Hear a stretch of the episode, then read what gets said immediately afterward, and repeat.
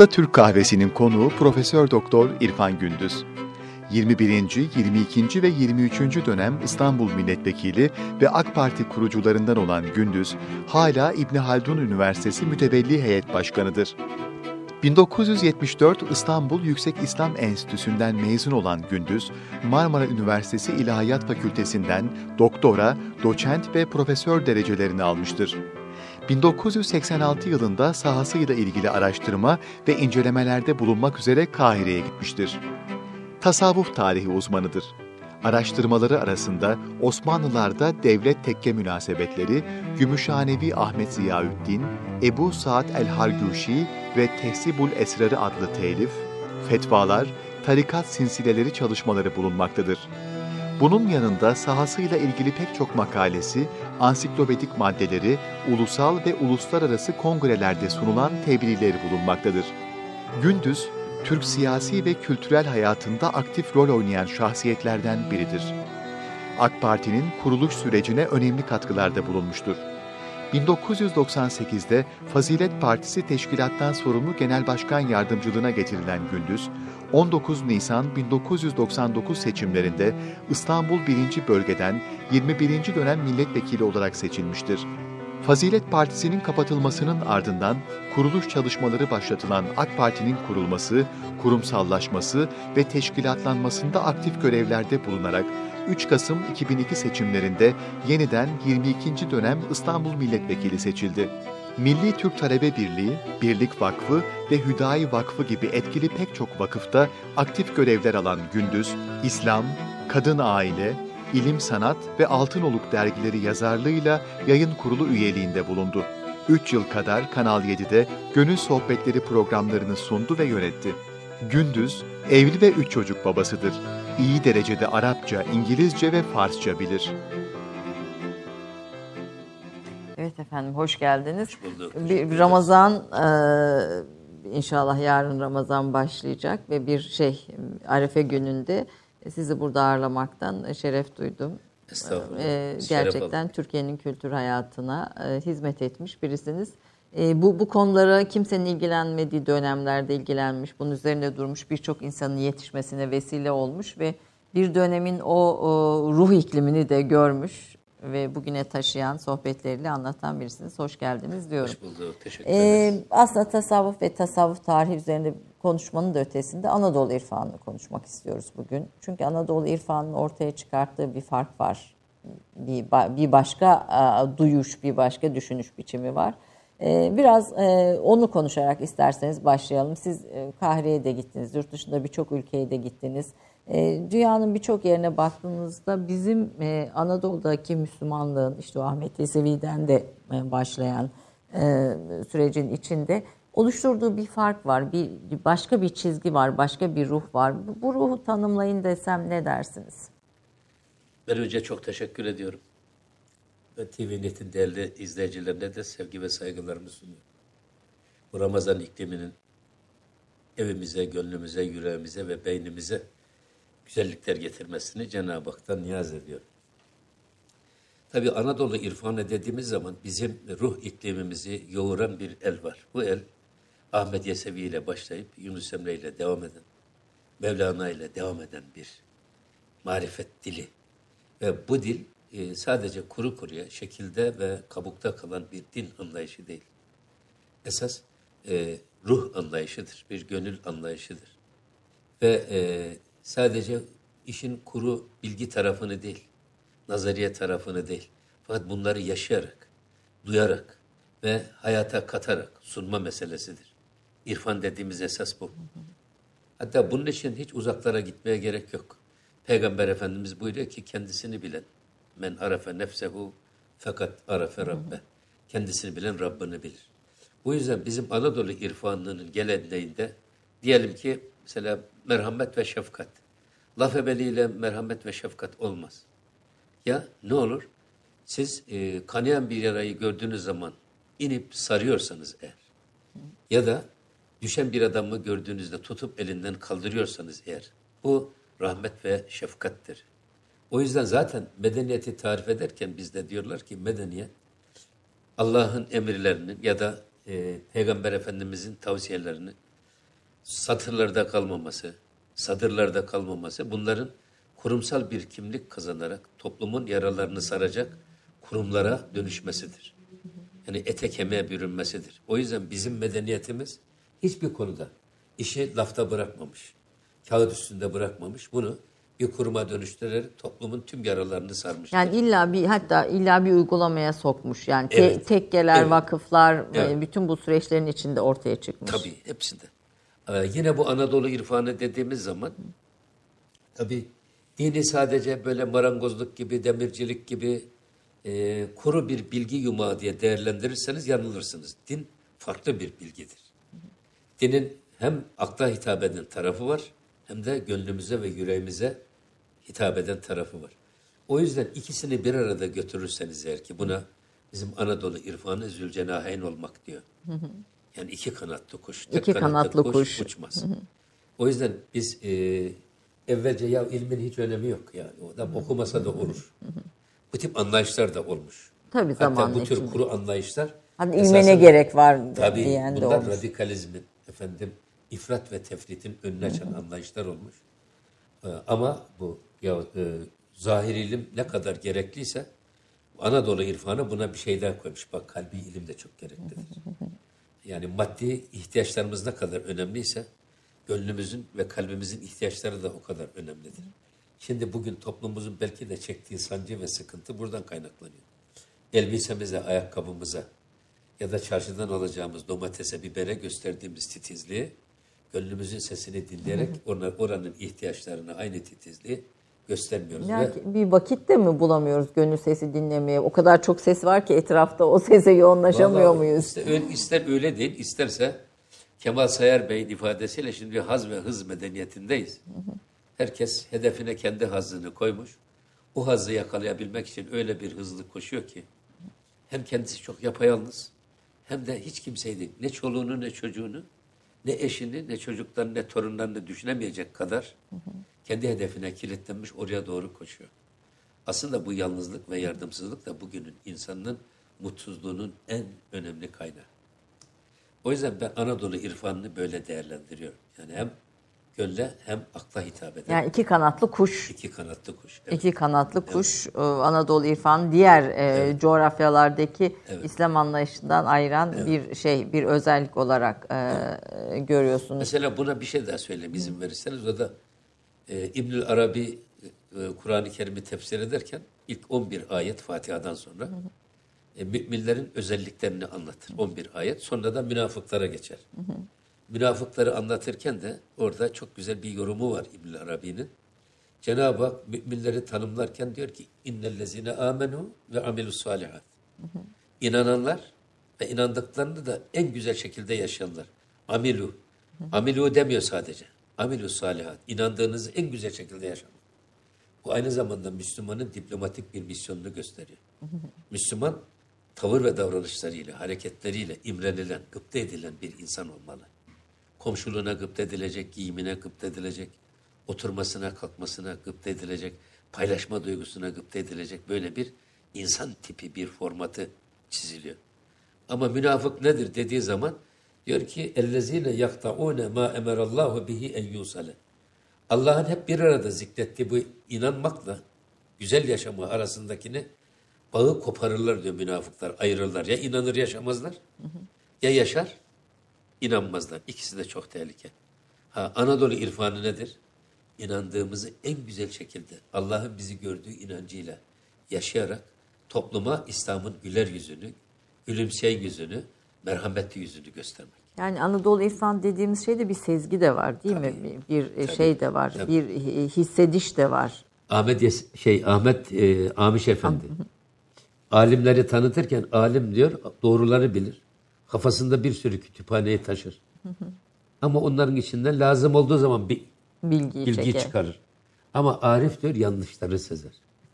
Alimle Arif'in farkını böyle açıklıyor.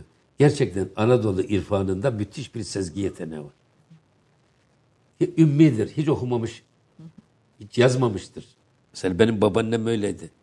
96 yaşında. Camiye gittiği zaman İmam Mihrabiye'de yanlış okusun bilirdi. Hafız değil. Hiç ama okumamış. okumamış ama onu hisseder. Ama sezgi odur esasında işte. kulağını tırmalıyor. Öyle alışmış ki kulağını. O Kur'an-ı Kerim, o aşırı şerif.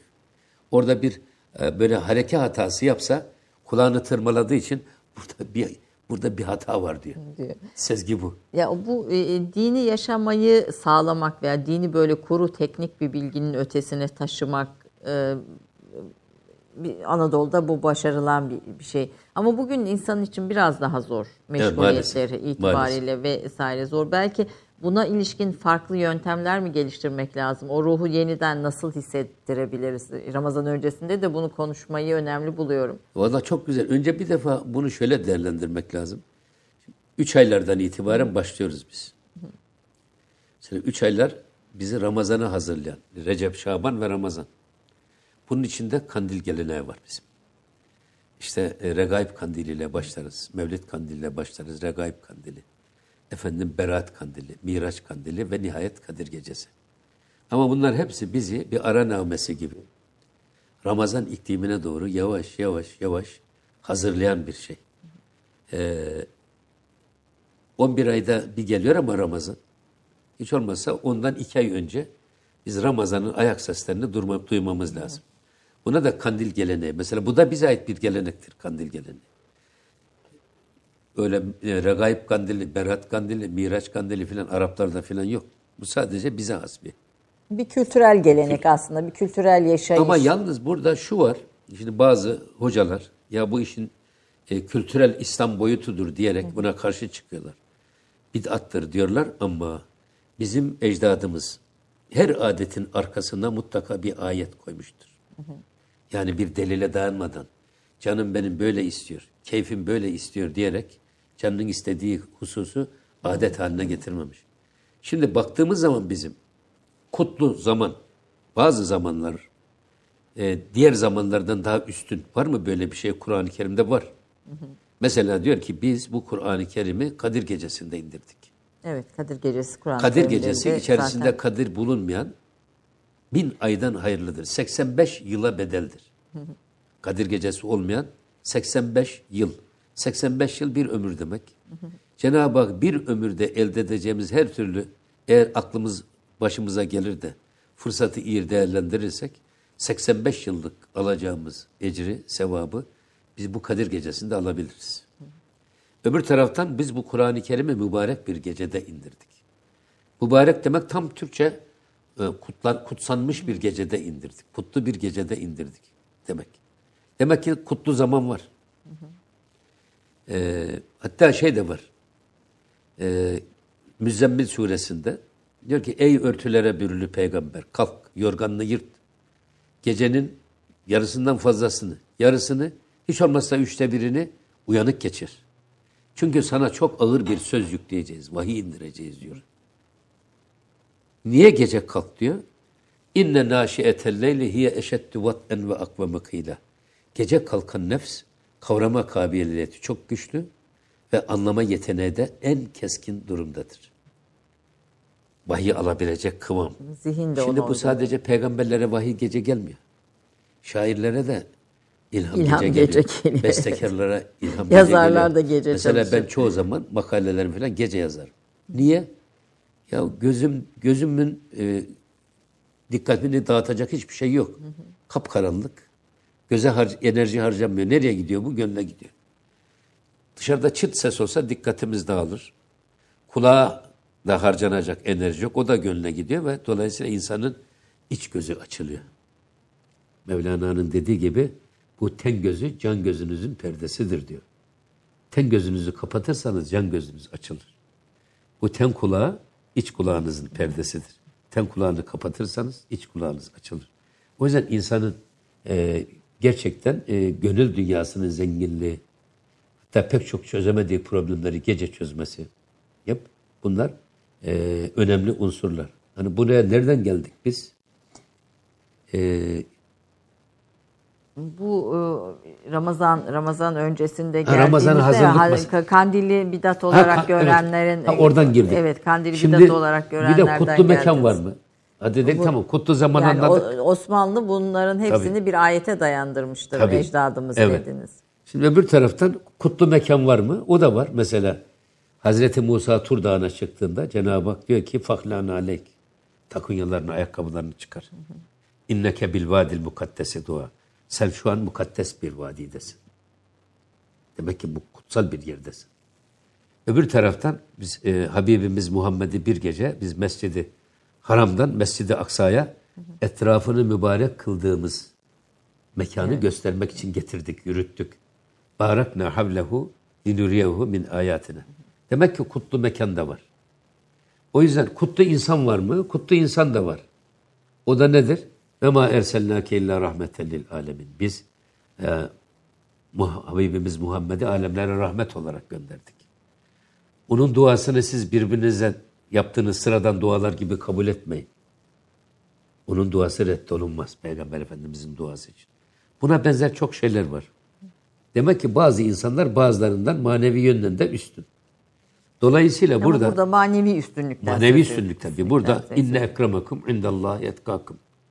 Allah nezdinde en mükerrem olanınız Allah'tan en fazla sakınanınızdır.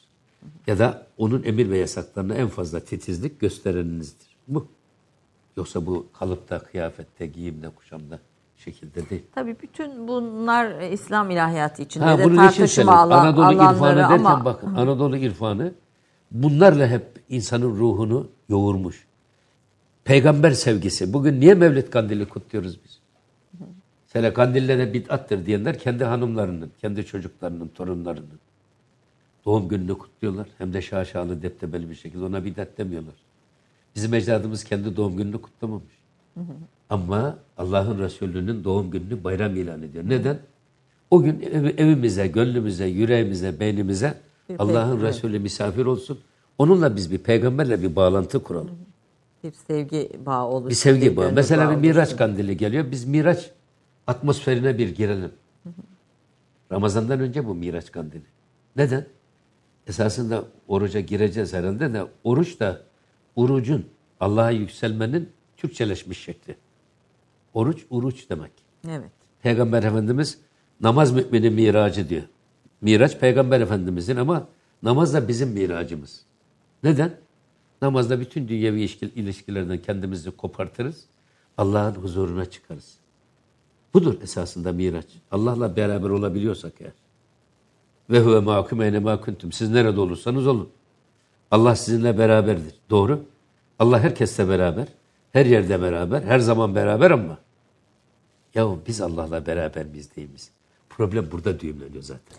İşte aslında biraz da bunu e, Anadolu irfanı bunu kendi Evet, tabii. sevgisiyle e, Evet, o ortaya koyduğu evet, müesseselerle, vakıflarla, Evet, evet. e, tekkelerle vesaire sağlamaya Evet, çalışmış. evet. Ama bu, bugün de bu geleneği sürdürenler var elbette. Siz var. İstanbul'da Var. işte öğrencilik dönemlerinizde işte Zahit Kotkular, Sami Efendiler bu insanların sohbetlerinde de Evet. bulundunuz bir Evet. şekilde.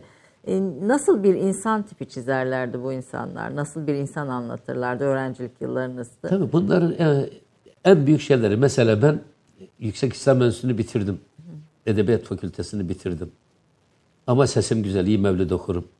iyi hatim okurum, iyi şarkı söylerim. Sizin Benim de- musiki be- şeyiniz de benim- büyük.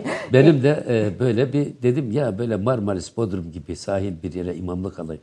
Zaten imamdım burada. Takkeci Camii'nde burada. Siemens'in Yakın evet. Topkapı'da. Altı buçuk sene burada imamlık yaptım. Hacı Mehmet Efendi Hazretlerine gittim. Efendim dedim ben işte bitirdim şeyleri. İzin verirseniz eğer İstanbul dışında böyle bir sahil bir e, ilçeye nakli mekan yapmak istiyorum dedim. Hoca Efendi dedi ki ya sen kolayı tercih ediyorsun dedi.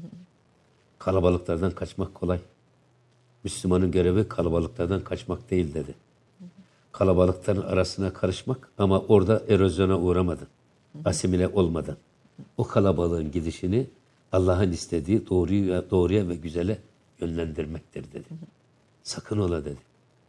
İstanbul'dan dışarı çıkmak yok dedi. Şimdi düşünebiliyor musunuz bizi? Siz de hayalini kurmuşsunuz. Gideceğim Kurduk sakin bir gideceğiz. yere. E, gidemedik.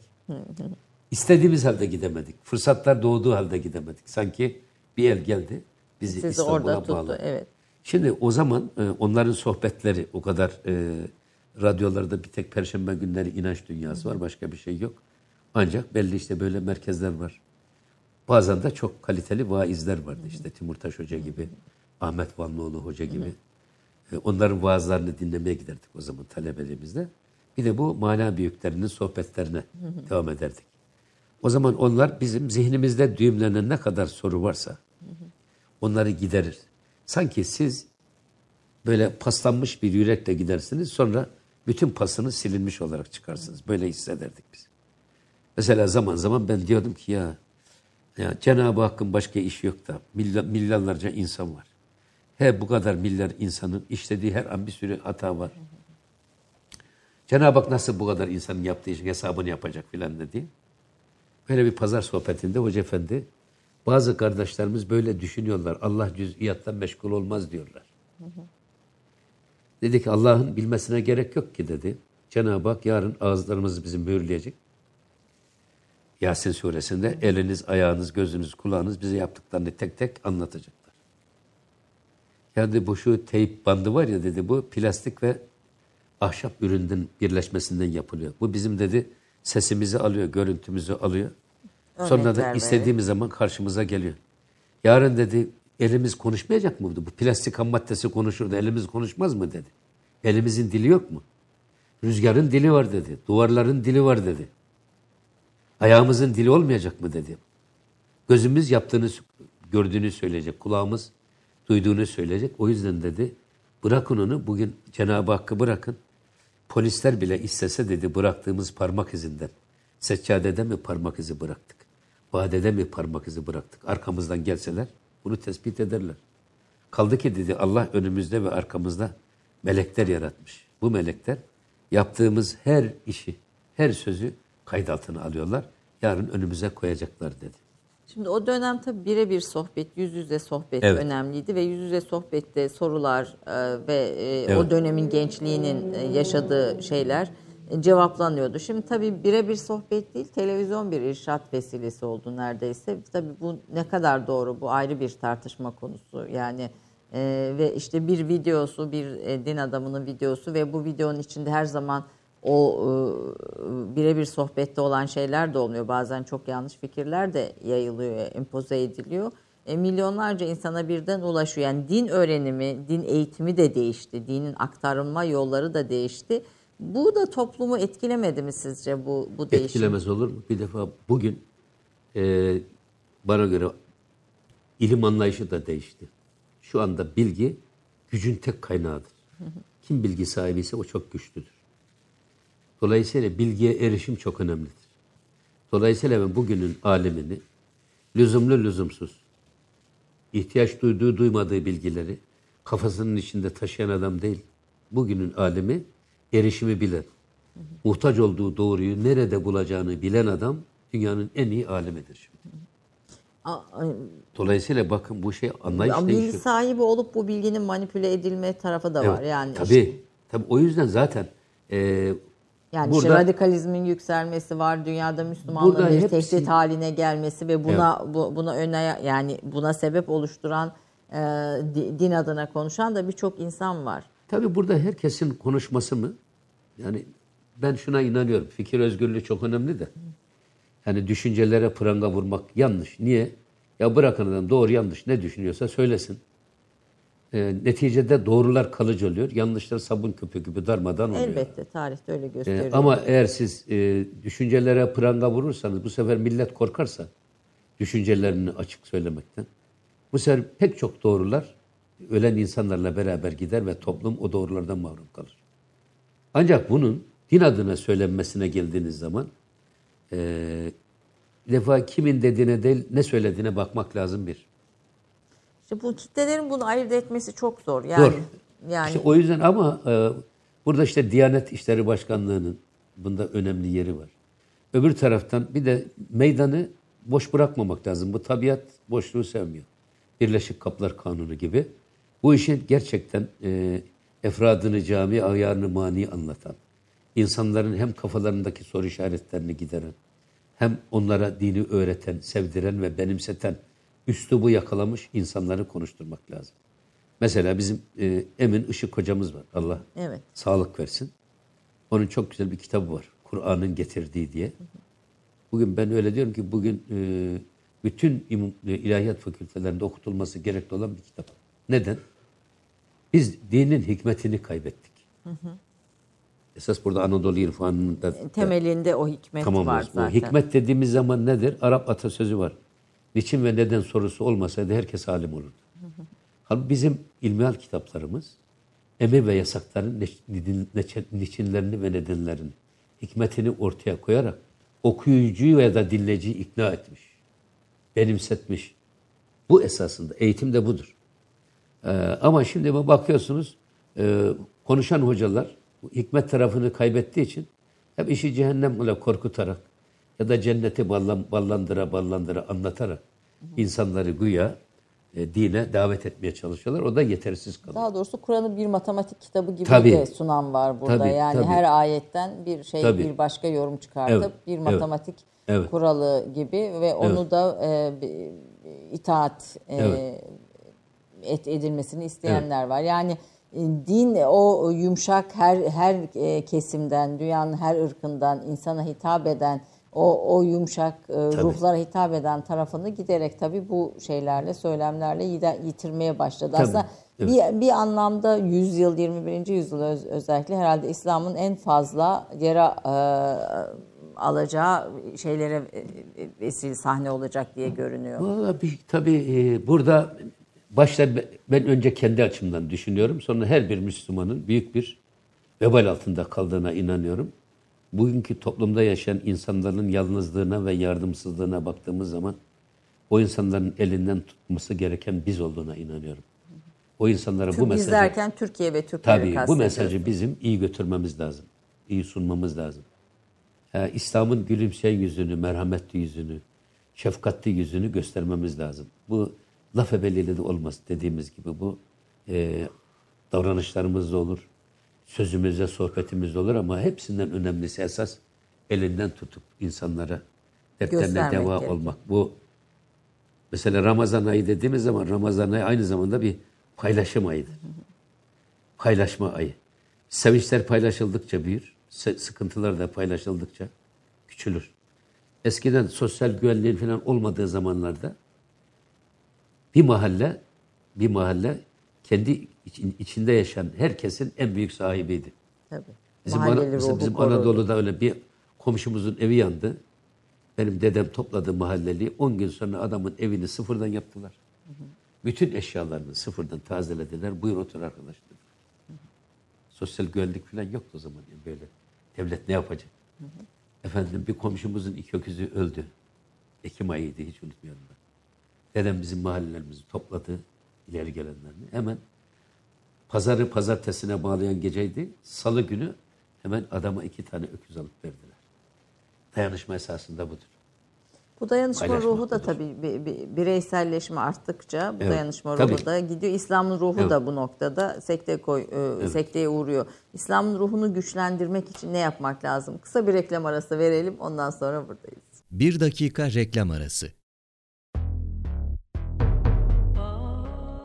Romandan şiire, tarihten düşünceye, klasik metinlerden özel edisyon çalışmalara kadar geniş bir yelpaze ve yüksek bir frekanstan yayın yapmayı hedefleyen Ketebe, şimdiden Türk kültür hayatında kalıcı ve önemli bir yer edindi. Edebiyatımızın seçkin eserlerine, genç kalemlere, tarihimizin engin zenginliğine, dünya edebiyatının hem güncel hem de klasik metinlerine, düşünce dünyamızın, maneviyat tarihimizin köşe taşlarına ve gün yüzüne çıkmamış değerlerine ev sahipliği yapmak, Ketebe'nin yayın politikasının omurgasını oluşturuyor. Dünya standartlarında bir yayıncılık anlayışı ve deneyimli kadrosuyla yola çıkan Ketebe yayınları, kitaba, kağıda ve söze hürmet eden bir medeniyetin parçası olarak her şeye geçer, yazı kalır diyor. Reklam arası sona erdi. Efendim Türk Kahvesi'nin ikinci yarısındayız. Konumuz Profesör Doktor İrfan Gündüz. Ee, tasavvuf tarihi uzmanı, değerli bir ilahiyatçı ve değerli bir kültür insanı. Aslında bir musiki şinas. Yani e, e, e, tasavvuf müziğinin ne zaman böyle işte bir konseri olsa İrfan Bey mutlaka en önde yerini Doğrudur, alır. doğrudur. Ondan sonra bütün bu tasavvuf müziğini icra edenlerle yakın ilişki içinde siz de Doğru. terennüm ediyorsunuz, Evet, söylüyorsunuz evet. ga- galiba. Bu, bu, bu müziğin bu dini ortamın e, aktarılmasında, bu ruhun aktarılmasındaki e, etkisi nedir hocam? Bir defa bu e, şey Hazreti Davud'dan bize kalan hatıra. Davud Aleyhisselam. Öyle mi? Tabi Davud Aleyhisselam'ın sesi çok güzelmiş. Ve Zebur okuduğu zaman sadece Kur'an-ı Kerim'de ayette öyle ifade buyuruluyor. Ee, sadece hayvanlar ve insanlar değil etrafında dağlar ve ağaçlar da dönermiş. Hatta bugünkü Mevlevi ayininde, sema ayinindeki O dönme. dönüşün esas kaynağı ve gerekçesi Hazreti Davud Aleyhisselam'ın etrafında dönen, kelebekler gibi dönen o hem Kainat, insanlar e, hem hayvanlar hem dağlar ve ağaçlar. Buradan avaze-i bu aleme Davut gibi sal. Baki kalan bu kubbede bir hoş sada. Sadaymış. Evet bir divan şiiri. Tabii öbür taraftan öbür taraftan e, kem söz insanı dininden, tatlı söz yılanı ininden çıkarır derler. Şimdi ya ta- biz e, Bir daha söyleyin hocam. Kem söz. kem söz insanı dininden, dininden. tatlı söz yılanı ininden çıkarır. Şimdi yılanı ininden çıkaran sözün tatlılığı derken yılan söylediğimiz sözün manasını mı anlıyor? Yılanca mı konuşuyoruz biz? Yok. Ya es- sözün estetik tarafı. Yılanı bile etkiliyor. Dolayısıyla bu ayetten hareketle bizim kültürümüzde musiki sadece e, hayvanlar ve insanlar için değil, a- ağaçlar içinde, toprak içinde kullanılmış. Bugün toprağa siz e, musiki dinleterek ektiğiniz zaman ve musiki dinlettiğiniz zaman o toprağın verim gücünün arttığı Daha da tabii artık fark ediyor. bilimsel olarak ortaya konuyor. Hayvanlara dinlettiğiniz zaman tavuklar günde iki defa yumurtluyorlar. En çok Hayvanlar sevdiğiniz, daha çok şey veriyor. e, da en çok sevdiğiniz tasavvuf müziği e, bestesi nedir? Ama burada esas benim söylemek istediğim bizim insan kulağından sulanır diyor Mevlana. Ve bizim kültürümüz semai bir kültürdür. Yani e, kulak insanın bedeninin kapısıdır. Kulaktan girerek siz gönüllere yerleşebilirsiniz. iliklere işleyebilirsiniz. Dolayısıyla burada sözün güzelliğini kullanarak, sazın güzelliğini kullanarak, sesin güzelliğini kullanarak bütün güzellikleri bir araya getirip mesaj verdiğiniz zaman insanı çok çok daha çabuk, çok daha kısa yoldan eğitebilir ve düşüncenizi benimsetebilirsiniz. Onu irşad edebilirsiniz. Ben musikinin bu tarafını çok seviyorum ben. O duyguya hitap eden aslında Tabii. sözün bittiği yerde başlayan ses Evet. ve o, o Evet. duygunun Evet. ifadesi o kısım e, ayrı Evet. bir şey. Var mıdır böyle çok sevdiğiniz bir şey, e, Var, bir var, eser? var, Hangilerini var, sever? Mesela Niyazi Mısır'ı mı seversiniz? Şimdi Yunus Emre'yi çok severim. Niyazi Misri'yi severim. Bugün Muzaffer Uzak Hoca Efendi'yi çok severiz. Sefer Baba'yı severiz. Bunların Siz siz Çok musiki terenin üzerinde Çok- çok giden güzel, evet tabii. o ortamları Ha, o bir de bunların şeyleri var. Mesela Kani Karaca benim hocam Allah rahmet eylesin.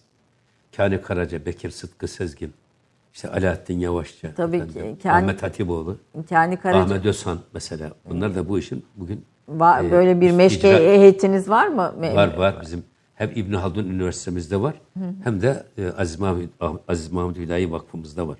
Böyle bir meşk ekibi Tabii, bir araya güzel, geliyorsunuz güzel, ve şey Evet. teren te- Evet. ediyorsunuz. Evet. Ee, yani Karaca ile ilgili dün bir programdaydım. Orada e, Gönül Paçacanım anlattı onunla ilgili sağlığında. Ya, evet. Bir belgesel çekmişler. Ho- hoca duyduğu her sesi taklit edermiş galiba. Kedi sesini taklit et. Hayır, Kedinin kedi- süt işini taklit edip kediyi çıldırtmış. Kedilerin, kedilerin dilini çözmüş bir insandı. Kani Bey. Tabii. Ben onu bir iftara getirmek için gittim evine Fatih'te. Gittim yenge hanımın elinden aldım o cümle kapısından yavaş yavaş arabaya doğru geliyoruz. Arabaya yaklaştık baktım 5-6 tane kedi birbiriyle boğuşuyor. ya Naim abi dedim bak arabanın altında kedi ne olmasın şu mübarek Ramazan günü. Evet. Yani çiğneyip de yani bir şey Evet, evet. olmasın. Baktım yok bir şey yok. Yahu kaputu kaldır egzozun arasına ne sıkışmasın bir yavru yok. Sonra bakıyorum ben biliyorum ben üstadın çok iyi taklit yeteneğini. Gırtlağı bile oynamıyor. Sonra bir kahkaha patlattı. O yapıyormuş. İrfan Hoca sen nasıl aldattın diye. Böyle 5-6 tane kedinin birbirleriyle Kavga sesini. kavgasını nasıl taklit ediyor ki ayırt edemezsiniz. Mümkün değil. Bir şey. Yani evdeki diyor Gönül Hanım kedin, kedimi Tabii. çıldırttık. Çünkü kedinin süt işini, içişini Tabii. taklit edip Tabii. aynı şekilde e- etrafta kedi var zannediyor. Evet, kedi de ama yok. Arıyor yok. Yok. Şimdi tabii bu e, hem Ali Üsküdarlı Hoca'nın hem Saadettin Kaynağ'ın talebesidir. Bu iki Üstad da çok kıskançlar. Öyle mi? Tabii hiçbirisi bir öğrencisinin bir başka hocaya gitmesine asla tasvip etmezler. Fakat Saadettin Kaynak'la tabii Kani Karaca ikisi de göz yumarlardı. ikisine de giderdi Bizlerdi, kendisi. ikisi de bilirdi. Kani'ye kızmazlardı. Deha deha konusunda bir yeteneği var böyle bir şey. Ee, ve gözleri açılacak olduğu halde açtırtmadı hiç. Öyle mi? O, Tabii. o imkan Eğer vardı. gözüm açılırsa ben bütün müktesebatımı kaybederim derdi. Ali Üsküdarlı Hoca'nın cızırtılı sesiyle ki Ali Üsküdarlı Hoca rahmetli bizim hocamız. Aynı zamanda Abdülhamit Han'ın da Şehzadeliğinde Kur'an-ı Kerim hocası. Ali Üsküdarlı Ama Hoca. Ali Üsküdarlı Hoca hem kıraati hem musikiyi müthiş mezcetmiş bir insan. Her ayette ayrı bir makam uygular. Bir ayetten diğer, diğer ayete geçerken o makamlar arası geçkiyi muhteşem uygular. Böyle bir insan.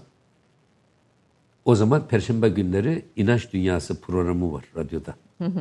O zaman tabii şey yok. E, Televizyon falan yok. teyip ve- filan da yok, yok. efendim. Televizyon yok. Kani Karaca'yı götürmüşler. O da üstadı taklit ederek bir Ali Üsküdarlı hocasını taklit Aşırı ediyor. Şerif okumuş. ha. Şimdi ertesi gün Cuma Karak Karaköy Yeraltı Camisi'nde imam. Orada gelen Ali Üsküdarlı Hoca, hocam Allah razı olsun bizi ihya ettiniz. Ne güzel aşırı şerif okudunuz. Evladım ben okumadım diyor ya. Hay Allah. Al, ben okumadım ya. Bunu yapsa yapsa bu namussuz kani yapar diyor. kani Karaca rahmetli. Gittim diyor cuma namazı kılmak için imam odasına girdim diyor. Öfke. Sen beni nasıl taklit edersin diyerek beni bastondan bir dayak attı diyor. o kadar fakat tabii enteresan bir şey yetenek müthiş bir tabii şey. yani o Mesela bir defa okusun bir adam. Okuyan insanın hatasını dahil, hatalı sesini, perdesini de dahil aynen alır ve sonra teyp gibi okurdu. Müthiş bir hafıza. Bir şeyde e, bu e, Üzeyir Garih'in cenazesi için o zaman Tayyip Bey İstanbul Büyükşehir Belediye, Belediye Başkanı'ydı. evet. Neve Şalom Sinagogu'na gittik biz. Orada David Aseo, Hahambaşı, ilahi okuyor. Kani Garaj'da da yanımızda. Bana elde dedi ki, hoca dedi, İrfan Hoca burada dedi, bir bemol yanlış beste var dedi. İbranice okunan ilahide. de onu arada fark Tabii. edip Sonra David Asya gelince dedim ki bak dedim ya Hahambaşı Üstad Kani ne diyor? Bir mırıldandı. Dedi burada bir memol yanlış beste var. Perde düşüyor dedi. Adam bir mırıldandı doğru söylüyorsun biz yanlış okumuşuz dedi. müthiş bir Böyle, kulak. böyle bir dehaydı. Ama, Yani mü- Allah rahmet eylesin onu da böyle ama şey- biz buraya nereden girdik? Esas burada şey yani e, bu musikinin irşatta Evet. bir irşat vasıtası olarak kullanılması. Bunu mesela Hazreti Mevlana bunu bir irşat anlayışı olarak geliştirmiş. Peki Hazreti Mevlana bunu kaynağını nereden bulmuş dediğimiz zaman ta Hazreti Ha, Davut'tan. Davut'a gel- geldik orada. Mesela biz kültürümüzde yılanı zurnayla oynatırız. Deveyi ritimle yürütürüz. Bu uzak Koyunu kavalla, da ha, çok koyunu kavalla evet. gideriz. Hiç uzak doğuya gitmeye gerek yok. Biz kendimize dönelim yeter. Bizim e, bu akıl ve ruh hastalıkları hastanesinde batılı hastaları zincire vurup dayakla öldürürse hatta öldürdükleri tedavi metodu bu. E, tıp öyle Bizim- gelişiyor ama, ama bizim ama da. ama bizim şeyimizde gerek Edirne Darüşşifası'nda gerek Gevher Nesime e, Darüşşifası'nda Kayseri'de müzi- müzikle. hem özel musiki grubu korosu istihdam ediliyor ve hem de onlar musikiyle terapi yapılarak böyle e, zihninin takıntısı siliniyor ve o kişinin şuur altının etkisinden kurtarılıyor ve adam normal sağlığına kavuşuyor. Yani musiki aslında hem irşat hem de bir Tabii. gönül bağı oluşturmanın Tabii, tabii. e, Evet. ayrı bir Evet. şey. e, Anadolu bir yol- irfanı gene burada. de, devreye giriyor Evet, değil mi? Anadolu Tabii, irfanı. ta- Evet. ilahilerinden, Evet. mü- müziğinden e, ve tabii çok da hikmetli sözler. Tabii. Yani çok Zaten da yok, sözün, hikmetli. sözün güzelliğini seçeceksiniz. Şimdi bizde mesela hat var. Her söz hat levhası haline getirilmez. Çarpıcı. Efendim okuyanı bir defa hemen okur okumaz ya Allah Allah ben neyim ve bu olan neyin nesi dedirtecek vurucu sözler seçilir. Ayetler, hadisler, kelamı kibarlar, şiirler. Ben bir e, Merkez Efendi'den mezar taşlarını çok severim. Gidiyorsunuz Bizim yani. mezar taşı kitabelerimiz de müthiş bir kültürel hazinedir. Evet. Orada baktım bir mezar taşı. Ben bunu Kendi mezarıma da yazdırttırdım. Sanman kim demi ahirde menzilim zehri türab ettim. Günahım çokluğundan yerlere geçtim, hicap ettim. Şimdi bir mezar tasviri bu. Evet. Diyor ki sanmayın ki ömrümün son deminde yurdumu yuvamı böyle yerin dibinde edindim. Günahım çokluğundan Cenab-ı Hakk'ın huzuruna çıkmaktan utandım da yerlere geçtim. İnce Bir mezar tasviri bu kadar Evet, güzel olur. evet, evet. Ha, bu esas mezarı ziyaret edeni irşad etmek meselesi. Bu gelenek mezar taşı yazma geleneği Tabii, zaten bir- tabii. başka Evet. şeylerde, başka İslam Evet. coğrafyasında da gördüğümüz bir şey değil. Yani Evet, isim ve bize- tarih bize- bize has. tamamen bize, Bize has. has. Onu süslemek, onun Hepsinde- kendi mesleğine uygun bir nişane Ya, koymak ya, o onların ya. üzerine. Hepsinde hep bizde gözden yakalayarak, kulaktan yakalayarak insanın hakikate yönelmesini sağlamak. Şiirde böyle. Üstad Necip Fazıl diyor ya anladım. Sanat işi Allah'ı aramakmış. Evet. Gerisi hep boş, yalnız çelik çomakmış. Allah'ı arayan ve aratan ve Allah'a yönelten her şey, her konu bu gaye için kullanılmış. Tabii bir de tasavvuf müziğinde şöyle bir şey de var. Yani Bektaşi değişinin e, yani özünde aynı olsa da söylemi kendisine ait, sözler kendisine ait. İşte bir Mevlevi'nin kendisine ait terennüm ettiği veya işte yani bir başka meşrebe mensup bir e, musikinin bir e, terennümü sözleri başka. Bir taraftan da halka o, o çeşitliliği de anlatıyor, o çeşitliliği de gösteriyor. Aslında hani çokluğun içinde o birlik Tabii fikri. vahdet. Cem Karaca rahmetli. Evet. Biz onunla bir programa çıktık. Erkin Koray da var.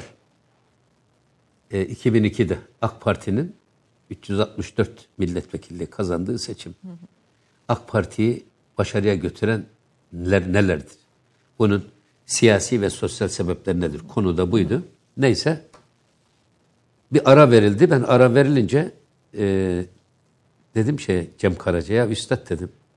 Ben bu batı müziğinin hiçbir çeşidini sevmem dedim yani. Ne klasiği, ne diskosu, ne hafifi, ne bilmem nesi. Yalnız bu kulvarda dedim iki kişi var. Milli bir damar yakaladılar. Onları çok seviyorum ve destekliyorum. Kim? Birincisi sizsiniz, ikincisi de Barış Manço dedim dedi. ben. Aman ha dedim bu damarı götürün, besleyin bu damarı dedim ben. Sonra dedim hiç Bektaşi nefes okudunuz mu Cem Bey dedim. Ya dedi benim babam Bektaşi'ydi dedi, Azeri'ydi dedi. Ama ben hiç bilmem dedi, hiç okumadım dedi. Bak dedim ben bizim e, diğer tarikatların tekkelerinde okunanların adına irşad edici. Nutku şeriflerin adına ilahi denir. Bektaşi tekkelerinde samah ayinlerine de okunana da nefes denir. Nefes dediğimiz ne biliyor musunuz dedim. Nefes bizi aldığımız zaman diriltir. Aldığımızı veremezsek ölürüz dedim. Veririz, gene diriltir. Verdiğimiz nefes alamasak yine ölürüz. Bir nefes bizi iki defa diriltiyor. O yüzden nefes diyorlar buna. Nerede bulacağım dedi. Ben sana göndereceğim dedim ve ben bizim meclis kütüphanesinden Abdülbaki Gölpınarlı'nın Bektaşi Nefesleri kitabını fotokopi ettirdim, ciddettim. Gönderdim Cem Karaca. O kesrette vahdettir söylüyordu Ya zaten. sonra e, ya, iki ay sonra vefat etti. Allah rahmet eylesin. Ama bu arada bana bir aradı. Ya İrfan Hoca dedi ya. Senin bu gönderdiğin kitap var ya dedi. Bana nefes oldu. Nefes dedi ya. Bize dedi bu medeniyet hep huzuru dışarıda arattırmış dedi. Biz hep batıda aramışız. Halbuki huzur ceketimizin içindeymiş haberimiz yok dedi. Bundan sonra her bestemi dedi. Bu Bektaşi nefeslerinden yapacağım. Onu da sana ithaf edeceğim dedi. Dedim bana ithaf etme de dedim. Yalnız bu nefesleri seslendir. evet. Sonra iki ay sonra vefat etti.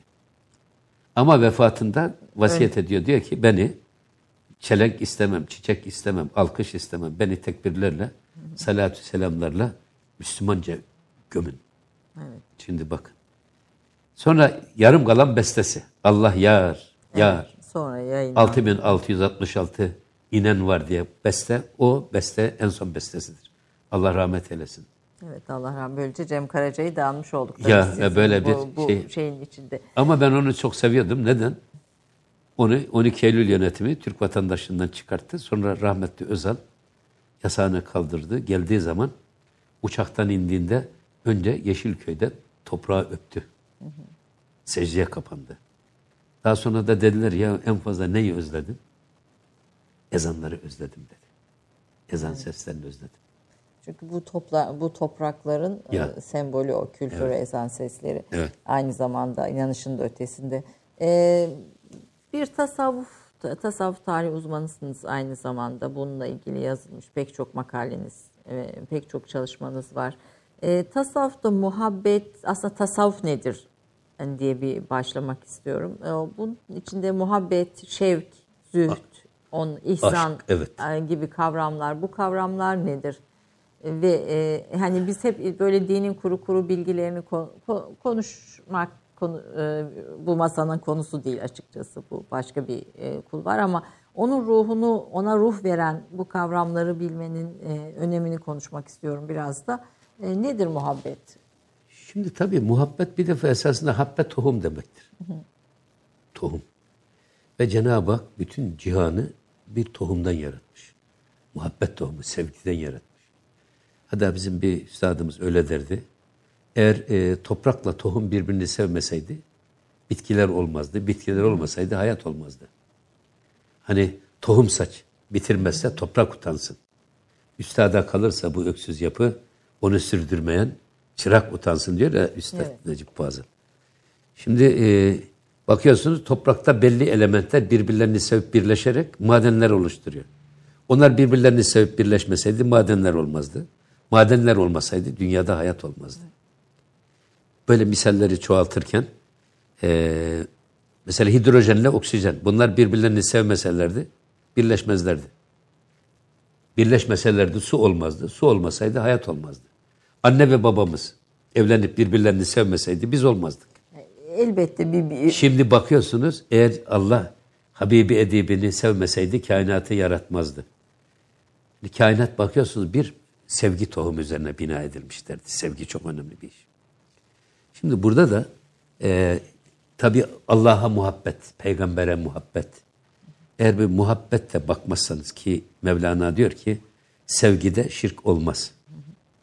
Sevgi ya seveni sevilene götürür, eritir orada ya da sevileni sevene getirir, orada eritir ve tek kişi kalır diyor. Eğer sen ben varsa böyle bir ayrımcılık o zaman sevgi yoktur. Burada bütün bizim sevgi medeniyeti derken Allah sevgisi ve Resulullah sevgisi. Bizim Anadolu irfanı hep bu sevgiye bizi ulaştırmaya çalışmış. Hatta namaz kılmak orada salattır Arapçadan Evet. namazın karşılığı. Bu huslat kökünden türetilmiştir. Kavuşmak demektir. Namaz bizi dünyevi meşgalelerden kopararak Allah'la buluşturan, Allah'la karşı karşıya getiren ibadet olduğu için salat adını vermişler. Bir de Peygamber Efendimiz'e salatü selam var. Diyor ki Allahlar ve melekler ki Allah ve melekler peygamberine salatü selam ediyorlar. Ey iman edenler siz de onun Resulüne salatü selam edin ve ona teslim olun. Sallu aleyhi ve sellimu teslima. Onun adı da salat. O da vuslat kökünden türetilmiş. Biz Peygamber Efendimiz'i andığımız zaman bir nevi peygamberle baş başa geliyoruz. Peygamber Efendimiz aklımıza geliyor. Ve e, onunla bağımız tazeleniyor. Ve bu bir sevgi bağı oluşturuyor. Bu sevgi bağını yakalamak. Bütün her şeyde varılmak istenilen hedef. Tasavvufun da hedefi bu. O yüzden tasavvuf kelimesinin e, hangi kökten türetiyle ilgi, türetildiğiyle ilgili Arapçada çok tartışmalar var. yüzlerce de tanımı var aslında. Ama e, benim kendi şahsi kanaatim o ki Kur'an-ı Kerim'de yine tasavvufun kaynağı ki sat harfi sadece Arapça has, haf, has bir harftir. Başka bir dilden, dilden alınmış bir kelime değil. Ödünç alınmış bir kelime değil. Bazıları diyorlar ya bu e, Hristiyanlıktaki Sofya'dan alınmıştır. Sofya'dan alınan felsefe olmuş. Zaten felsefe var bizde. Ama bu sat harfi Arapça harf, has bir harf. Ve bütün peygamberler böyle bir tasfiye sürecinden geçmiş. Kur'an-ı Kerim'de istifa var. Yesta, yestafi var. İstafeytüke var. İstafaki var. Yani Seçmek, bu- tasfiye bu- burada- etmek, ha, arındırmak evet, demek. Evet. Şimdi Arapçada rafinerinin adı masfadır. Peki bu peygamberlerin geçtiği tasfiye süzgeci nedir? Dediğimiz zaman peygamberlerin beşeri vasıflarının, beşeri zaaflarının törpülenerek onların Allah'ın vahyini alabilecek kıvamı, o kıvamdaki saflığı ve saffeti yakalamak. Ama ama sonuçta tasavvuf insanın iç eğitimini sağlayan Amenna zaten. Mesele esas o. me- me- Zaten esas metodu da yani hani Evet. kelime kökeni ayrı bir tartışma Amenna. alanı. Yani tasavvuf Kur'an'da Tabii. var mı yok mu konusu da ayrı bir Evet. tartışma alanı ama sonuçta insanın iç eğitimini Ama dini- benim söylemek istediğim şu. Peygamber Efendimizin vasfı Mustafa. Tasfiye edilmiş peygamber. Gönlü temizlenmiş. Kalbi yarılmış. İnşirah suresi var. Elem neşrah leke sadrak. Senin kalbini yarmadık mı? Oradaki kalbini yıkayıp da içerisine hikmet ve sevgi koymadık mı? evet. İşte sevgi meselesi var ya burada. Muhabbet muhabbet Bu- buradan Evet, onu, bu- gönlüne burada. onun yerleşmesi. Aslında bu- bu buradan geliyor kökeni. Ve bu sadece sevgiyle aşılan bir yolculuktur. Sevmeseniz olmaz. Zoraki olmaz. Aslında İs- İslam hukukunda hiçbir şey zoraki olmaz. Zoraki olanın kabul durumu olmaz. Kabul edilemez. Her türlü akit. her türlü ibadet. Her türlü akit, her iman. İman mesela buna e, niye itikat demişler? İtikat. İnsan hür, hür iradesiyle ben kendimi Allah'ın iradesine bağlıyorum derse itikat olur. Demezse olmaz. Evet. Zoraki iman da olmaz, zoraki küfür de olmaz. O yüzden bu muhabbet bağını kurmak. Peygamberle, Cenab-ı Hak'la o sevgi dolu bağı kurarak kulun kendisini ona doğru yaklaştırmaya çalışmasıdır. Tasavvuf o yüzden Allah nerede olursa olsun hepimizle beraber de ama esas tasavvuf bizi Allah'la beraber kılmaya götüren ve bizi Allah'tan alıkoyan her engeli temizleyen bir ilim dalı. Temizlemeyi hedefleyen bir ilim dalı diyelim. Bu, bu, bu bir ruh eğitimi aslında. Amenna. Bir, bir, Tabii, ince- manevi. bir incelik, bir manevi Tabii, eğitim. tabii. Ruh dem- demek Evet. daha şey değil de Evet. bir ma- Tabii, manevi eğitim. ve- tabii. ama en e, galiba ortalamada ahlak olarak tanımlanan. Zaten üstün ahlak. Ahlak dediğimiz nedir dersek eğer, insan bedeninde ilahi emirlerin ya da ruhani duyguların, manevi duyguların iktidar olmasını sağlayan, böylece insanı yüksek ahlak sahibi yapmaya çalışan bir dal.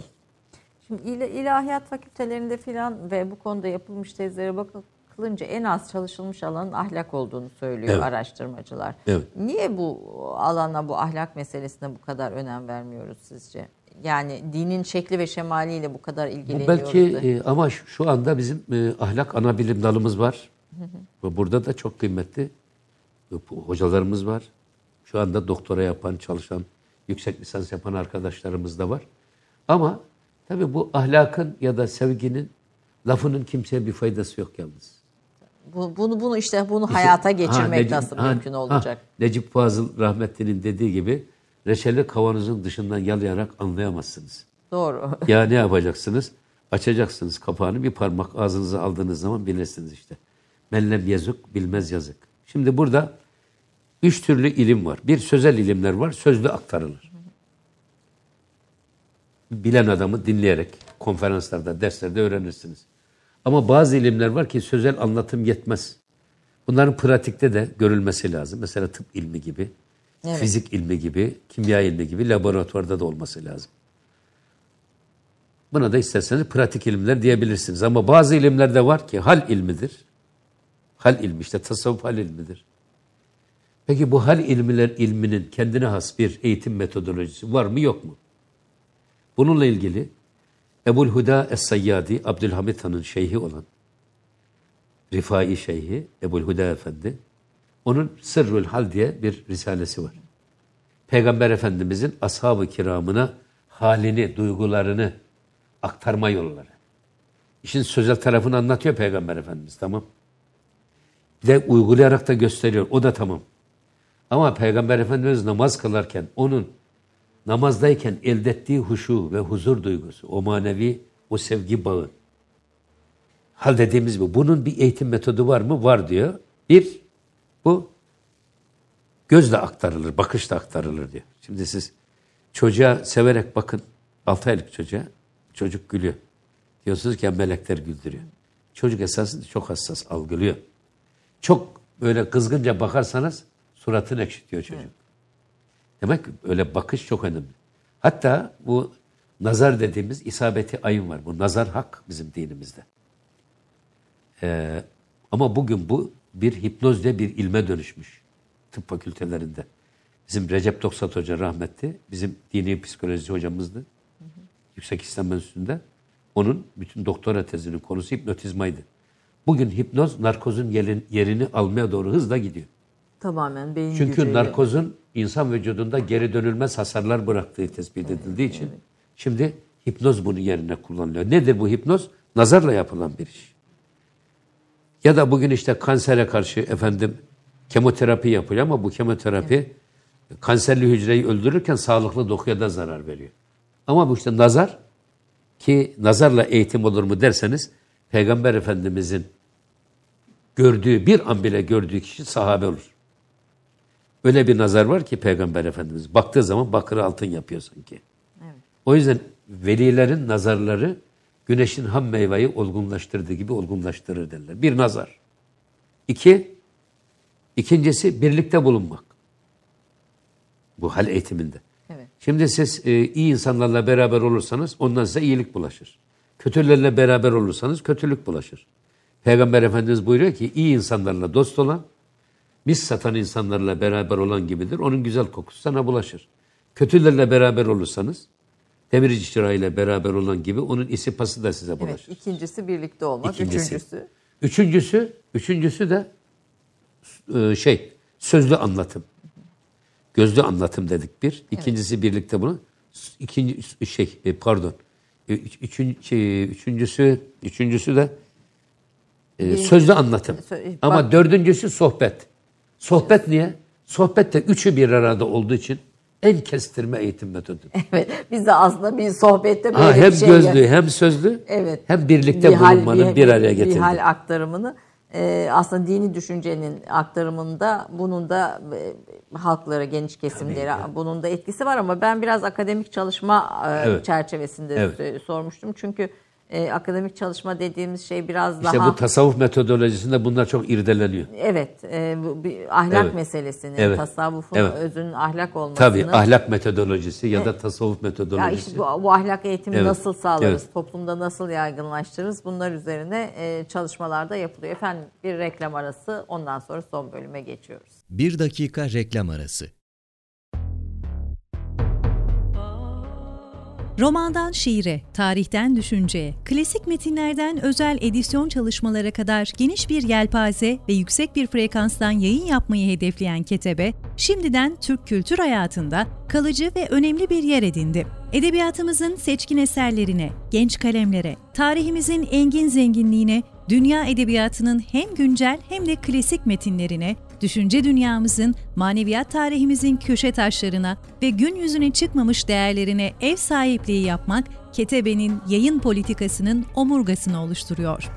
Dünya standartlarında bir yayıncılık anlayışı ve deneyimli kadrosuyla yola çıkan Ketebe yayınları, kitaba, kağıda ve söze hürmet eden bir medeniyetin parçası olarak her şeye geçer, yazı kalır diyor. Reklam arası sona erdi. Efendim Türk Kahvesi'nin 3. bölümündeyiz. E, Profesör Doktor İrfan Gündüz konuğumuz. Hocam ille de uygulama diyor. Öyle şekilde olmaz. E, iş biçimde de olmaz. İlle bir yaşamak lazım. Evet. E, bu yaşamak e, ecdadın farklı kurumlarla da ortaya koyduğu şey. Bunlardan birisi de vakıf vakıflar, vakıf kurumları. E, bu, nasıl bir yer ve nasıl bir değer verilmiş vakıflara? Şimdi ben buradan ecdadımız? buradan bir önce e, Ramazan ve Ramazan'ın e, formatını çizdiği insan tipine gelirsek vakıf medeniyeti oradan çıkar.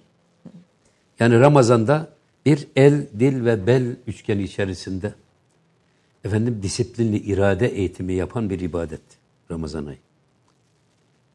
Burada e, mesela namazda siz sizin namazda değilmiş intibanı veren bir hareketiniz olursa o namaz bozulur. Evet. Dışarıdan gören birisi sizin bir hareketinizi görüyor. Ya bu adam namaz kılmıyor herhalde diyorsa eğer o hareket namazı bozar. Ama yalnız oruçta bir fark var. Oruç hayatın içinde bir ibadettir. Sadece imsaktan itibaren iftara kadar işte ihsan mektebi dediğimiz Allah'ı görür gibi dünyevi hayatı yaşamamızı emreden ve bizi alıştıran bir ibadet. Zaten herhalde sözümüzün bir yerinde söyledik. Oruç Allah'a bizi Evet, yükselten Miraç, bir evet. ibadet. Allah'ın gözü önünde hayatımızı yaşamayı, işimizi yapmayı emreden bir ibadet. Burada tabii bir de şu var. Ee, bizim e, İslam medeniyeti çok üreten ama az tüketen insanı yetiştirmeyi hedeflemiş. Yani insanlar tüketimleriyle değil, ürettikleriyle ancak iltifata tabi tutulmuş. Ben şimdi ben bakıyorum, hani ceketiniz güzelse hemen al, açıyorlar markasına bakıyorlar. Saatinizin markasına bakıyorlar. İşte göz, gözlüğünüze bakıyorlar. Ayakkabınıza bakıyorlar. Bir adam ne kadar e, iyi marka giyiniyorsa o adama o kadar rağbet gösteriliyor. Halbuki İslam medeniyetinde bir adam ürettikleriyle kadar değer kazanır. Tüketimiyle değil. Ve burada da e, yine Hazreti Mevlana'dan bir e, evet. aktarma yapacak olursak Hazreti Mevlana diyor ki e, insanlar ister kral olsun ister hamal olsun. Allah insanları tüketimde eşit yaratmış. Her insan bedeninin günlük kalori ihtiyacı 2500 kaloridir.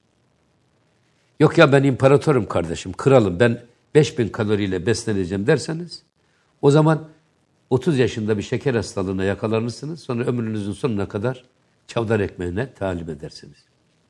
Belki hamalın sizden daha çok, kraldan daha çok kaloriye ihtiyacı var. O yüzden e, Mevlana diyor ki siz Marmara Denizi sizin olsa içeceğiniz su ne kadar? Bir bardak su. Hadi iki bardak içtiniz. Evet. Ha, dolayısıyla yine bir başka veliden de söyleyeyim. Esas buradan vakfa geçeceğiz biz. Allah diyor insan bedenine organları belli bir oran dahilinde vermiş. Dünyayı ne kadar görmemiz gerekiyorsa o kadar göz vermiş. Böyle mikroskopla da bakıp teleskopla da görmeyeceğiz. Ama hiç görmemezlik de etmeyeceğiz. Yani e, bir oran ve bir şey var, evet. denge var. O burada, dengeyi burada işte, o dengeyi korumak lazım dünyaya ha. bakarken de biz e, Evet. Müslüman ama olarak. burada bir şey var esas. Orucun ruhunu burada nasıl ha, işte hissedeceğiz? Burada bir şey bir şey var burada. O da şu. Kocaman vücudumuz, ufacık bir ağzımız var. Bunun iki manası var diye. Bir, bin defa düşünüp bir defa söylemek için, konuşmamak. Çok düşünüp az söylemek, az konuşmak. İkincisi de çok üretip az, az tüketen tüketmek. insan olmak. Evet. Şimdi burada esas orucun bize öğretmeye çalıştığı şey çok üreten ama az tüketen insan. O zaman biz artan gelirimizi ne yapacağız o zaman biz? Çok üretiyoruz ama az tüketiyoruz. Artan gelirimizi ne yapacağız? Ya çoluğu çocuğu düşünecek miyiz? Allah onlara da kocaman bir vücut, onlara da ufacık bir ağız vermiş. Herkes Onlar da fıtraten zengin evet, esasında. Evet. Bugün toplumun fakirliği bana göre birisi ikinci bir fabrikayı kuramadığı için fakir. Birisi yazlık alamadığı için fakir. Birisi oğlanı araba alamadığı için fakir. Öbürü de evine ekmek götüremediği için fakir. Demek ki bu fakirlik ve zenginlik de gönül işi esasında. Bu buradan e, oruçla birlikte az tüketmek evet hani bir evet. Te, bir te, te, terbiye olarak geliyor. E, bugün Murat Bardakçı yazmış tedbirname Osmanlı döneminde Ramazan öncesinde bir tedbirname yayınlanmış. Tembihname. E, te, pardon. Te, evet. E, şey e, teb Tembih. Tem, tembihname. Uyarıname demek evet, evet, yani. Tembihname, evet. uyarıname. Evet. E, tembihname yayınlanırmış ve bu tembihnamelerde e, e, hal olarak edepli davranmak, evin önünü temizlemek, işte camların çamurlarını silmek, giyim kuşama dikkat işte etmek. Orucu sadece yani böyle el, dil, bel üçgen içinde değil, hayatın içerisine yansıtmak. Temizlikten yansıtmak, gıybet etmemek, efendim fakir fukaraya el uzatmak, yalan söylememek, gıybet etmemek. Yani sadece işte Allah'ı görür gibi İslam'ı yaşayan insan tipini hayatta alıştırıyorsunuz. Böyle bir insan sadece Ramazan ayında değil, Ramazanın dışında da aynı tip insan olma noktasına geldiği zaman artan gelirini çoluğuna çocuğuna değil, lükse israfa değil, infaka. Şimdi Diyanet İşleri Başkanlığı bu Ramazan'ı gönülleri birbirine bağlayan infak köprüsü diye temayı belirlemiş. Şimdi infak dediğimiz infak tünel açmak demek esasında. Nafık. Ama bir tarafta israf var, bir tarafta cimrilik var. Bunun orta yolu infaktır.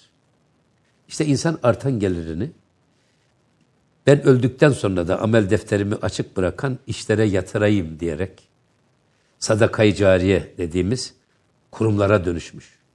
Bu vakıflar o kadar çok enteresan, o kadar ilgi çekici vakıflar var ki vakıfların ortaya çıkması bu.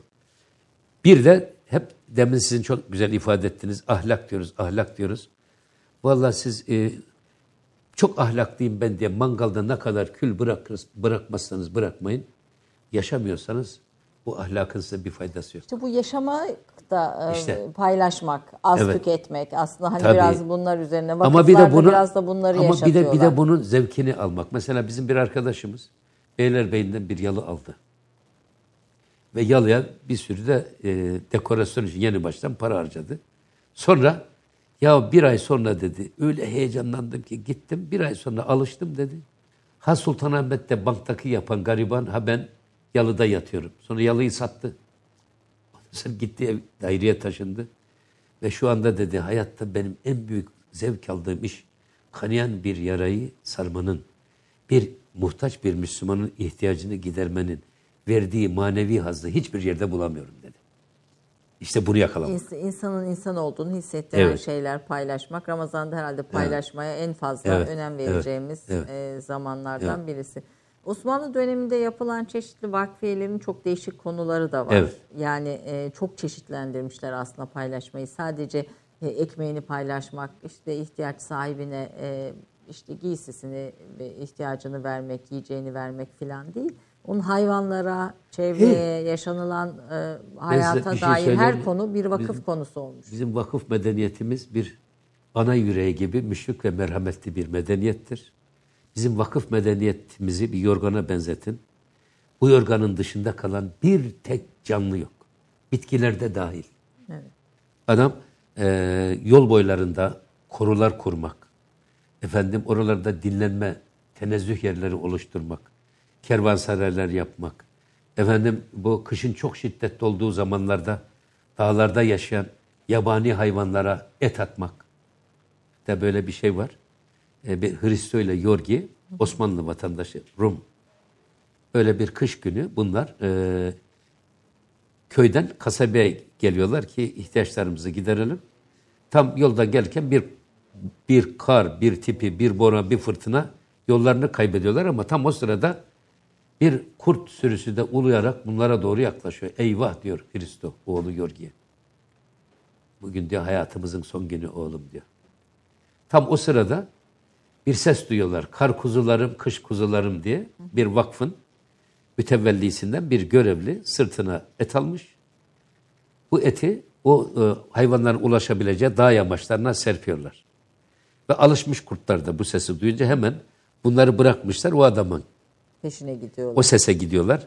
Ve bunlar da o sese doğru gidiyorlar. Bakıyorlar ki bunlara gelen kurtlar o adamın attığı etleri yiyor. Adam diyor ki ya siz deli misiniz?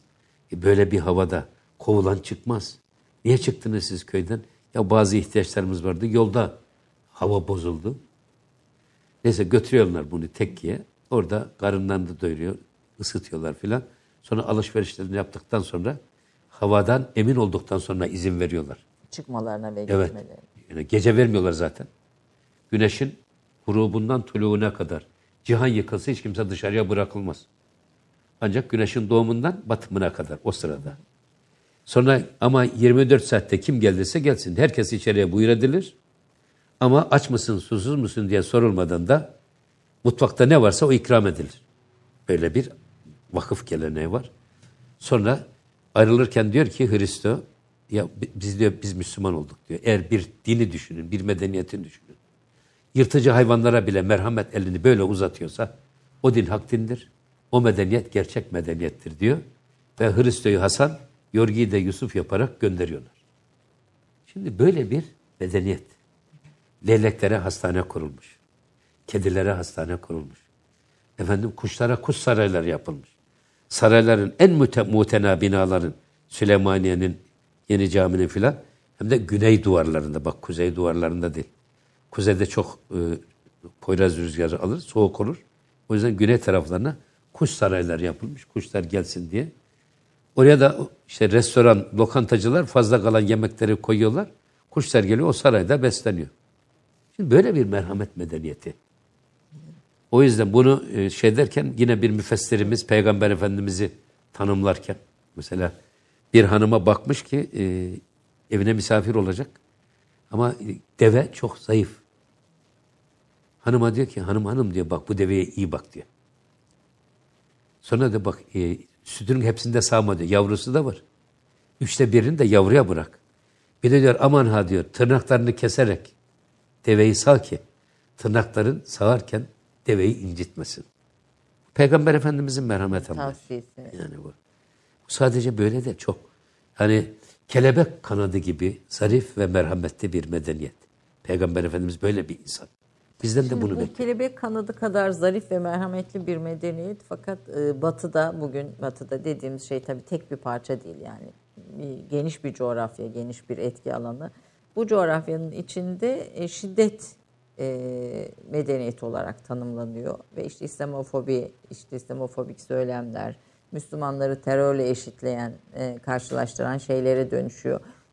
Ve bu bu etki e, ister istemez hepimizi etkiliyor. Yani Amenna, bunu etkilememesi amenna, evet, mü- mümkün evet. değil. Yani biz kendi içimizde bunun bu kadar merhametli, bu kadar insan insanı merkeze koyan, insanı düşünen e, ve ayrımcı olmayan, herkese eşit gözle bakan bir e, iç e, terbiyeyi getiren bir medeniyet tanımlasak da dışarıdan bu bakışı e, giderek daha terörize edilen, daha radikalleşen bir İslam coğrafyasına, Müslüman figürüne, prototipine doğru dönüşüyor.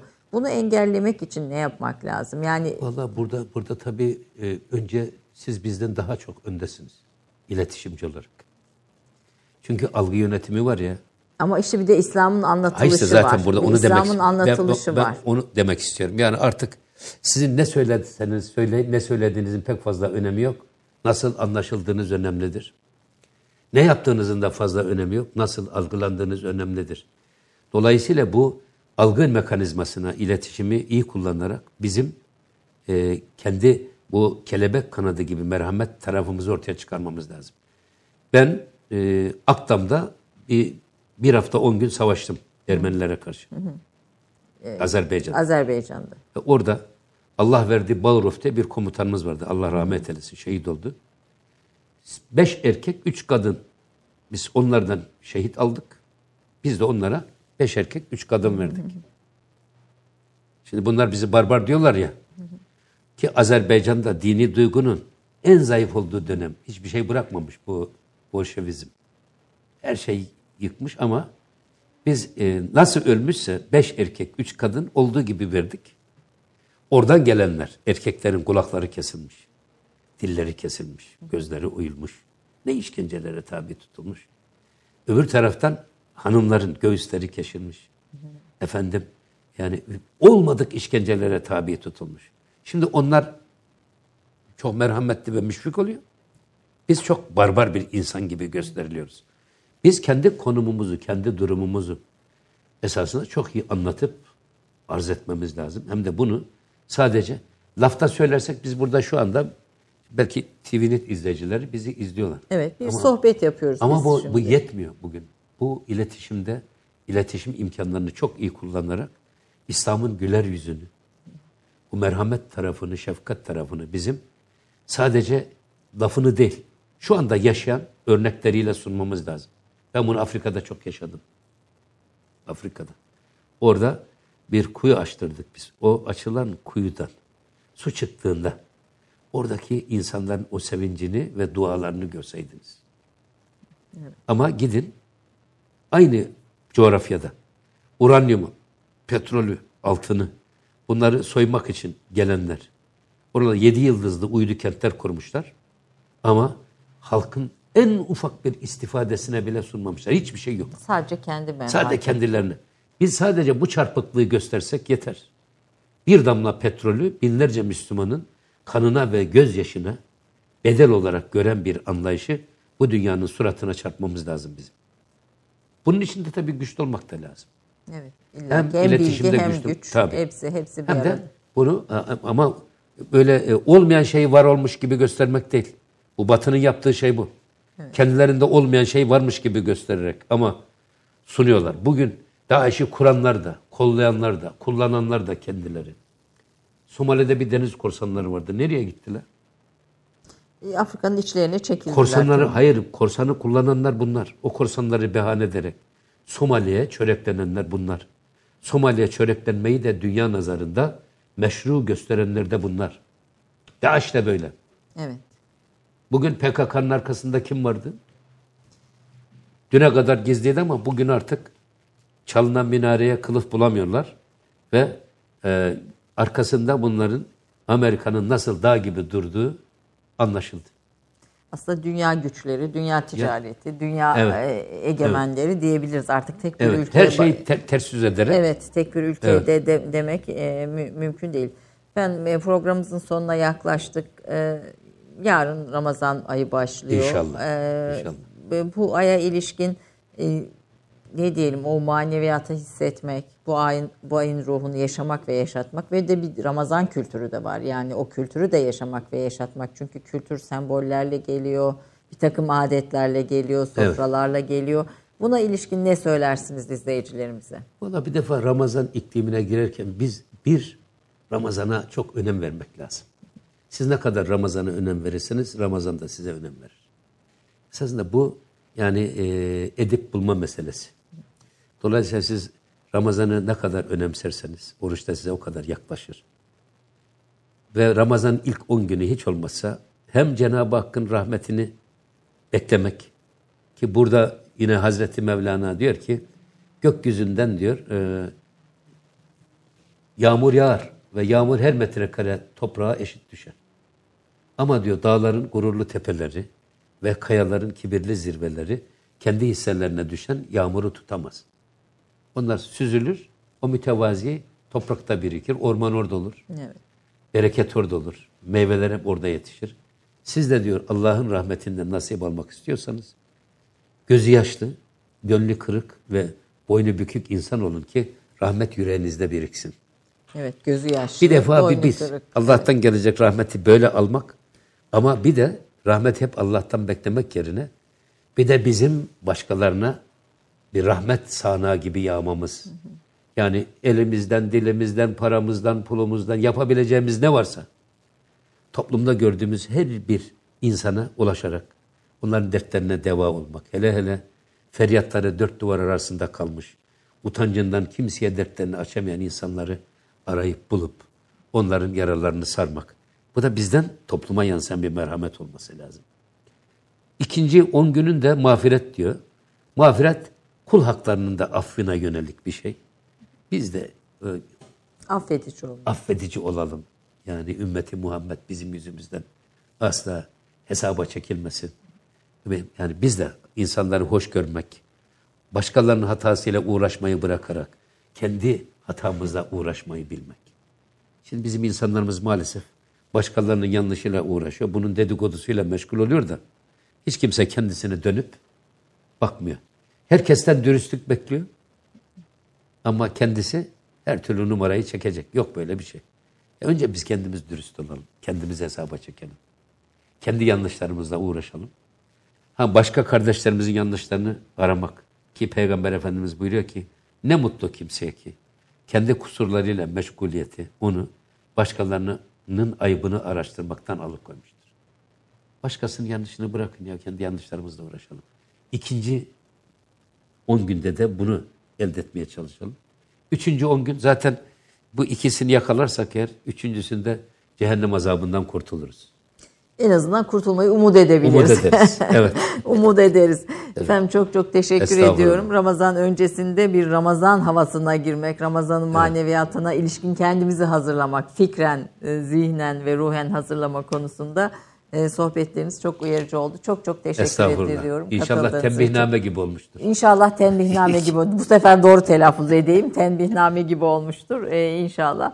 Ee, ben- ya bu tembihname tabii e, toplum hayatı açısından da çok önemli. Sadece tabii, birey evet, değil, evet. toplum hayatı Evet. yani açısından da önemli. Be- Hem hatırlatıcı e, hem de Şimdi bir Ramazan'a girdiğiniz andan itibaren yani biraz daha hayatınıza dikkat edin.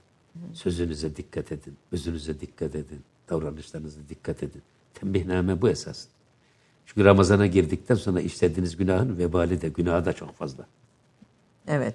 e, Onun gibi ona dikkat etmek Aman lazım. Ramazan'a az kaldı. Dikkat edelim efendim. Bu bu ayda biraz daha e, özen ve devam etsin sonrasında da İnşallah. tabii ki sadece bu aya özgü değil. Daha sonrasında da bu ahlak, e, bu davranış biçimi devam etsin. Ben bir Türk kahvesinin sonuna geldik. İzlediğiniz için çok çok teşekkür ediyorum. Haftaya görüşmek üzere. Hoşçakalın.